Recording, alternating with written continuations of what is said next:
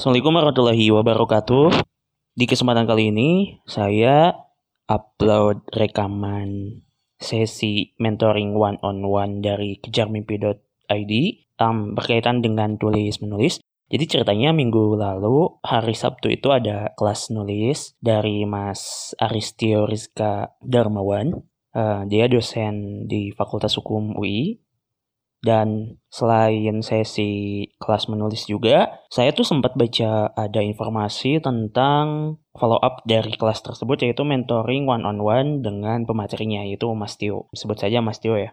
Nah, pas sesi tanya jawab di kelas nulis tersebut, saya um, mikir kalau misalnya nanya itu dihitung sebagai poin keaktifan. Jadi saya nanya aja dan alhamdulillah dikasih kesempatan sama moderatornya saya sih nanyanya ya bukan pertanyaan yang sulit dijawab sih sebenarnya kayak hal-hal simpel dan emang tujuan saya nanya juga emang kayak memaksimalkan kesempatan aja buat dapat sesi mentoring one on one. Nah kemarin ada notifikasi kalau saya tuh terpilih jadi salah satu yang dapat kesempatan buat mentoring bareng Mas Tio. Nah tapi di rekaman ini tuh saya lupa gak ngerekam dari awal gitu ya. Durasi mentoringnya sendiri kan 15 menit, sementara rekaman ini ada sekitar 11 menitan lah. Nah mungkin di bagian awal sih itu saya nanya tentang gaya saya belajar nulis itu dengan nulis banyak hal dari mulai nulis uh, artikel yang populer, esai populer kayak gitu, kemudian cerpen, fiksi, puisi. Tapi tadi lupa gak disebutin sih kalau untuk cerpen dan puisi. Tapi di sisi lain saya juga dituntut di kampus yang untuk nulis ilmiah. Nah itu sebenarnya problem atau enggak sih dalam rangka belajar nulis. Ternyata Mas Tio itu enggak kok, itu bagus gitu. Meskipun untuk tulisan populer sebenarnya peluang untuk bermanfaatnya dibacanya itu lebih gede kalau misalnya dipublikasi di media online itu kan mungkin bisa dibaca 100 orang, 200 orang. Sementara kalau untuk jurnal, artikel jurnal itu ngerjainnya lama banget sementara mungkin dibaca sama berapa orang doang gitu, di-download sama berapa orang doang gitu sih. Nah, sisanya uh, ada di rekaman ini. Mudah-mudahan teman-teman dapat manfaat juga dari rekaman sesi mentoring one on one saya dan Mas Tio tadi. Thank you uh, dan selamat mendengarkan.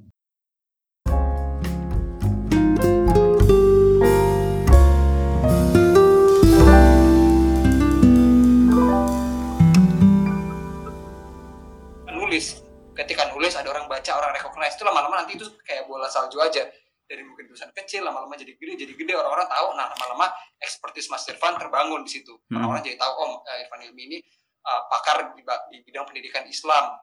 Nah itu itu itu kalau menurut saya saran saya itu. Jadi kita harus mulai dulu nggak apa-apa nanti ada yang salah ketika Mas Irfan mungkin publish di koran. Ada yang ngekritik wah ini salah atau ini itu nggak apa-apa. Menurut saya itu bagian dari dinamika yang harus yang harus dilaluin.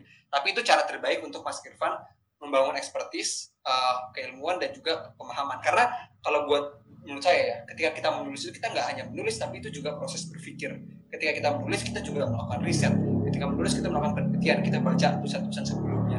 Dan itu yang yang kemudian nanti akan menjadi modal untuk Mas Irfan uh, punya ekspertis atau pemahaman terhadap bidang tertentu gitu. jadi menurut saya itu itu penting. Dan dan uh, menurut saya kuncinya adalah mulai nulis gitu. Jangan tunggu nanti expert jangan tunggu punya ilmu yang banyak jangan tunggu apa yang penting nulis dulu. Nanti kita bertanggung jawab ya dengan apa yang kita tulis. Jadi kita research kita sufficient dan lain sebagainya. Tapi saran saya adalah mulai aja dulu. Kalau kita nunggu kapan nanti deh kalau udah punya pengetahuan yang banyak apa kita nggak mulai-mulai kita nggak akan punya pengetahuan-pengetahuan akhirnya. Karena kita nggak kita karena kita melewat nggak melewati proses research untuk menulis itu. Yang itu kemudian modal awal menurut saya untuk membangun expertise gitu.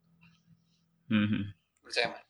Oke mas. Uh, jadi saya juga biasanya sih kalau nulis untuk pribadi eh untuk dikirimkan ke media kadang-kadang uh, dorongannya gak gitu gede loh mas kalau saya pribadi gitu. Nah saya tuh kemarin-kemarin ada beberapa tulisan yang dipublikasi misalnya di uh, sagoe.id kemudian di uh, rahma.id. Nah itu sebenarnya tulisan saya yang diikutkan lomba mas di tahun 2020 tapi gak menang ada tema tentang toleransi, tema tentang menulis itu sendiri, tentang pendidikan. Nah, uh, itu gak masalah eh masalah gak mas kalau kalau misalnya di apa untuk dikirim ke media tapi dari uh, dari dari lomba yang gak menang misalnya kayak gitu Gak apa-apa, gak apa-apa banget mas. Bahkan kalau saya juga ya, jangan kan lomba yang gak menang. Saya biasanya saya kirim misalkan ke koran, misalkan media Indonesia, ya ditolak, saya kirim lagi. Nah, misalkan mereka kasih komen syukur. Kalau misalkan enggak saya kirim lagi besoknya ke Sindo seputar Indonesia. Sindo nolak ya nggak apa-apa besok saya kirim lagi misalkan ke koran apalah misalkan. Iya, uh, iya, iya. Jawa Pos ya, kayak gitu itu sesuatu yang nggak apa-apa. Dan itu itu proses syukur-syukur kalau mereka kasih misalkan kita belum bisa memuat tulisan ini karena misalkan pembahasannya terlalu luas atau belum belum secara mendetail. Nah itu kita bisa perbaiki. Hmm. enggak submit aja dan itu bagus dan itu langkah-langkah bagus. Iya, iya. Iya, iya. Soalnya emang kayak dorongannya tuh beda loh Mas gitu.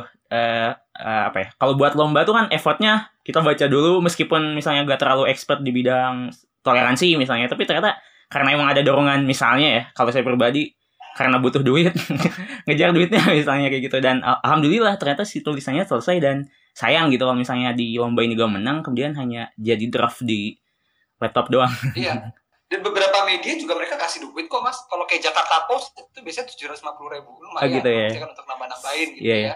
dan banyak kalau media-media yang juga kasih kasih honor. Kompas kayak kasih honor kayak gitu-gitu mas. Mm-mm. dan dan itu itu itu lumayan lah gitu.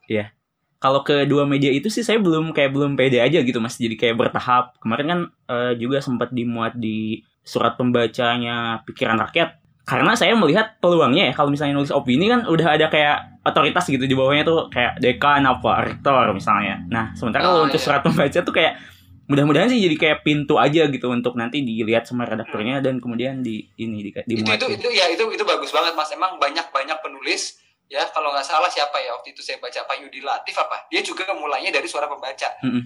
Dan karena dari suara pembaca nanti editornya kan akan melihat kan dan lama-lama lama-lama tahu lama-lama tahu atau bisa juga memang biasanya kalau misalkan opini itu harus yang kayak apa dekan atau profesor guru besar. Ya masukin aja misalkan Mas Irfan gitu peneliti independen di Jakarta atau misalkan uh, mahasiswa program pasca sarjana universitas apa kayak gitu. Itu Hmm. itu hal yang nggak apa-apa kok. Kayak saya nulis nulis aja padahal saya mungkin secara keilmuan juga saya baru berapa sih.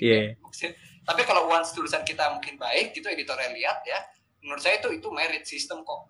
Uh, itu enggak enggak apa namanya once tulisannya kita itu bagus menurut saya mereka akan akan terima. Hmm.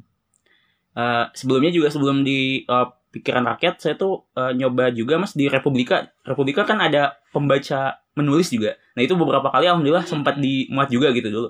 Padahal beberapa tulisannya juga dari jurnal harian sebenarnya buat di blog. Dan dan Iya. dan saya edit itu lagi gitu. Ternyata beberapa dimuat. Nah kemudian saya juga punya pengalaman di apa ya pengen dimuat di eh, rubrik eh, guru menulis atau forum gurunya pikiran rakyat nah dari 2015 mas tapi sampai sekarang entah karena tulisan saya jelek atau karena saya belum jadi guru gitu padahal saya sempat juga dulu Ah. nulis pas lagi PPL kan di salah satu SMA di Bandung masih aja belum dimuat gitu nah eh, itu itu pengalaman aja sih mas share share pengalaman gitu itu itu menurut saya enggak tadi saya baru cerita ke uh, yang sebelumnya ya Hmm. bahwa proses di reject itu nggak apa-apa itu, Iya. itu sangat normal Iya. saya mungkin tulisan pertama kali saya di Jakarta Post yang diterima itu mungkin sekitar 9 apa ah, saya lupa berapa pastinya ya. Ditolak tolak tolak tolak terus sampai akhirnya kayak kita mau terima tulisan Dan itu kan akhirnya senang banget Iya, "Wah, iya. pertama kali Heeh. akhirnya. Pun juga ini saya baru uh, tulisan saya ba- baru mau terbit di apa namanya New Mandala itu uh, platformnya ENU gitu ya di Australia. Itu juga baru diterima kemarin. Terus saya baru kayak oh saya akhirnya diterima nih. Terus saya lihat saya ngecek ke email saya saya udah ngirim ke uh, publisher ini berapa kali sih?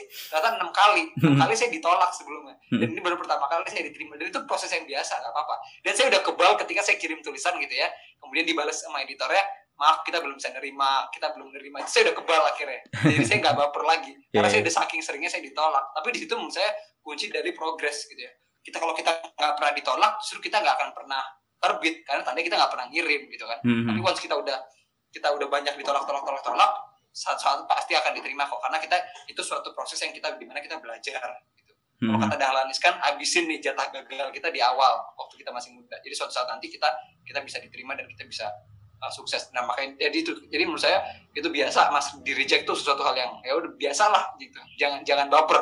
Kayak ah di, di reject nih tandanya mungkin tulisan gue jelek atau gue nggak bakat nih nulis. Jangan, jangan punya mindset kayak gitu menurut saya. Ya, itu itu yang yang apa namanya yang yang proses yang harus dinikmatin sih Iya iya. iya.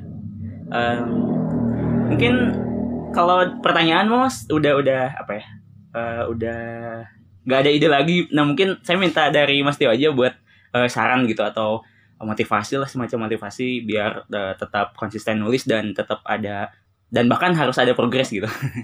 Mau minta itu. Nah saran saya pertama Mas uh, Irfan udah bagus nih punya apa namanya interestnya di bidang apa ya pendidikan agama Islam. Saran saya pertama banyak baca atau punya misalkan apa ini kalau saya ya uh, punya figur yang menjadi contoh atau teladan katakanlah misalkan oh di bidang ini di bidang pendidikan Islam atau keislaman ada profesor misalkan Azumardi Azra mm -hmm. atau misalkan ada profesor uh, siapa uh, Burhan siapa tuh dari LIPI atau misalkan ada uh, intelektual-intelektual Islam lah cendekiawan-cendekiawan. Yeah. Nah, misalkan jadi punya itu platform, kemudian lihat mereka nulis biasanya topiknya tentang apa aja sih. Nah, jadi kalau saya biasanya kalau saya punya hukum internasional, saya atau uh, internasional kan saya cari orang-orang yang sering nulis tuh siapa aja sih. Mereka nulis topiknya biasanya terkait apa dan hmm. platformnya di mana. Nah, itu biasanya saya, saya penting.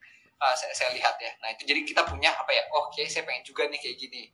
Nah, kemudian yang kedua adalah uh, keep update dengan isu-isu terkini terkait dengan keilmuan yang Mas Irfan ilmi lagi tekuni sekarang tentang hmm. pendidikan Islam. Hmm. Banyak kan isu yang ber, yang sedang ber, ber apa jalan sekarang terkait keilmuan itu. Contohnya misalkan apa nih dampak kementerian kemarin SKB Menteri Agama terkait dengan penggunaan jilbab-jilbab itu? Hmm. hmm, hmm. Apakah simbol keagamaan? Itu satu misalkan.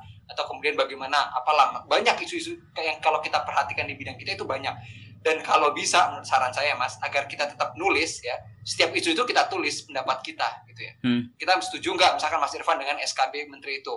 Misalkan Pak Mas Irfan setuju kenapa? Nggak setuju kenapa? Setuju misalkan ini bagus untuk apa? Nggak setuju ini nggak setuju karena nanti akan berdampak buruk pada apa? Nah jadi kita keep update dengan isu-isu yang berjalan di keilmuan Mas Mas uh, Irfan. Hmm. nah, dan semakin sering Mas Irfan nulis semakin publish nah itu nanti orang-orang kan semakin baca kan? Hmm uh, orang-orang akan tahu kan uh, ekspertis Mas Irfan. Oh Mas Irfan ini misalkan nanti uh, sebagai cendekiawan uh, Muslim muda katakanlah ya pemerhati isu-isu yang update terkini dan itu sangat apa ya?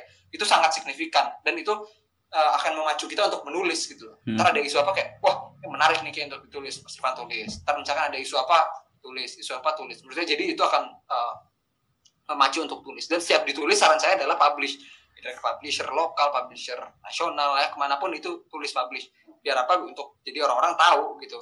Uh, Mas Irfan. Bisa aja Mas Irfan mungkin uh, Muhammad Irfan Ilmi cendekiawan muda Islam katakanlah kayak gitulah kan apa itu kan nanti kan once diterima kan itu akan mempromot uh, Mas Irfan gitu kan. Uh, secara keilmuan gitu udah udah udah S2 gitu kan.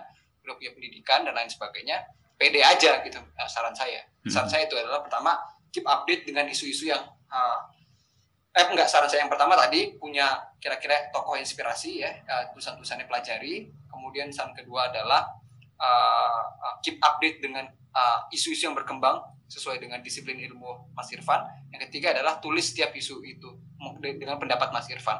Ya boleh nanti misalkan Mas Irfan setuju nggak setuju terus orang kritik pendapat Mas Irfan itu justru bagus gitu ya. Kadang-kadang kalau kita perhatiin ya orang-orang yang terkenal itu dia banyak tulisannya yang kontroversi yang orang-orang kayak wah ini apa nih? gini, gini. nah tapi dari situ justru malah kadang-kadang terkenal kan. Banyak hmm. kok scholar-scholar gitu ilmuwan ya yang secara keilmuan dia kontroversi. Tapi justru jangan itu jangan jadi tujuannya. Jangan pengen ngetop dengan kontroversi jangan. Tapi memang secara jujur kemukakan apa yang menjadi pemikiran kita gitu loh secara terbuka. Nah itu bagaimana jadi jadi itu menurut saya saran paling ampuh ya intinya adalah semakin kita sering nulis semakin kita sering terbiasa menulis itu akan semakin baik untuk kita latihan mendevelop pemikiran kita, latihan nulis gramatikal dan lain sebagainya sampai membranding personal branding kita. Itu sih Mas Irfan. Oke. Okay. Thank you Mas dan uh, kejar mimpi mudah-mudahan saya nanti bisa tetap kontaknya Mas uh, di Instagram siap, siap, boleh boleh.